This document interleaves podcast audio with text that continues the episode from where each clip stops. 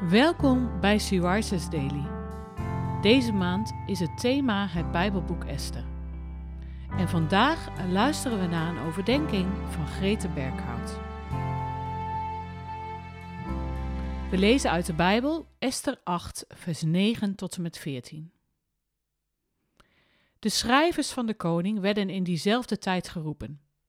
In de derde maand, de maand Sivan, op de 23ste van de maand. Er werd geschreven overeenkomstig alles wat Mordechai gebood. Aan de Joden, aan de stadhouders, de landvoogden en vorsten van de gewesten van India tot Kush. 127 gewesten, elk eigen gewest in zijn eigen schrift en elk volk in zijn eigen taal. Ook aan de Joden in hun eigen schrift en hun eigen taal. Men schreef in naam van koning Ahasveros en verzegelde het met de zegelring van de koning. Men verzond de brieven door middel van Elbodense paard, die op de snelle koninklijke paarden reden, gefokt met merries.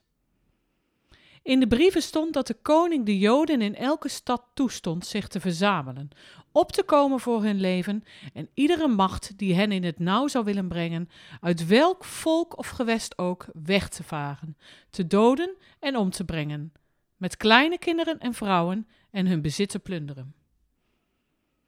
Dit gold voor één dag in alle gewesten van koning Ahasveros, voor de dertiende dag van de twaalfde maand. Dat is de maand Adar. De inhoud van het geschrevene moest als wet uitgevaardigd worden, in elk gewest en openbaar gemaakt worden aan alle volken, zodat de Joden die dag klaar zouden staan om zich te wreken op een vijand.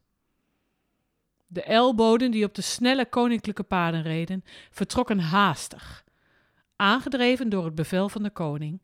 Ook in de burcht Susan was de wet uitgevaardigd. Een paar overdenkingen eerder lazen we hoe Haman een wet liet invoeren door de koning om het Joodse volk te laten uitroeien. Dit zou gebeuren op de dertiende dag van de twaalfde maand. Een vreselijke wet die het einde zou betekenen van het Joodse volk. God lijkt in Esther 3 zo ver weg. Maar hier, in Esther 8, laat hij zijn plan en leiding zien. Hij blijft trouw en redt zijn volk van de ondergang. God laat Mordechai een wet invoeren die de Joden toestemming geeft zich te verdedigen tegen de vijand op deze dertiende dag van de twaalfde maand, de oordeelsdag. Door middel van Haman probeerde de duivel het volk van God te vernietigen. Dit probeert de duivel al vanaf het begin. Hij verleidde Eva tot het doen van zonde, wat onze eeuwige ondergang zou betekenen. Op een dag zouden we veroordeeld worden tot de eeuwige dood. Wij kunnen onszelf hier niet van redden, maar God kan dat wel door het offer dat Christus heeft gebracht aan het kruis. We hoeven niet meer bang te zijn voor de oordeelsdag, omdat we ons vrij mogen pleiten op het bloed van Jezus. Wij mogen ons verdedigen met Zijn beloftes en Zijn woord, als wij kinderen mogen zijn van de Allerhoogste. De oordeelsdag kan uiteindelijk onze eeuwige vrijheid betekenen.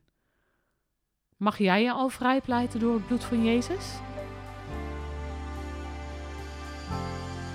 Wat roept het bij jou op als je nadenkt over de oordeelsdag? Welk gevoel geeft het je?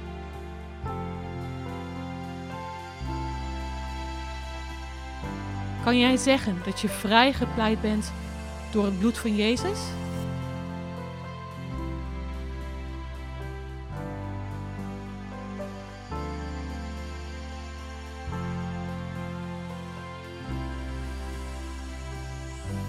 Laten we samen bidden. Dank u dat u voor ons in wilt staan. Dat u ons vrij wilt pleiten van alles waarvoor we eigenlijk veroordeeld zouden moeten worden. Wat een genade. Amen.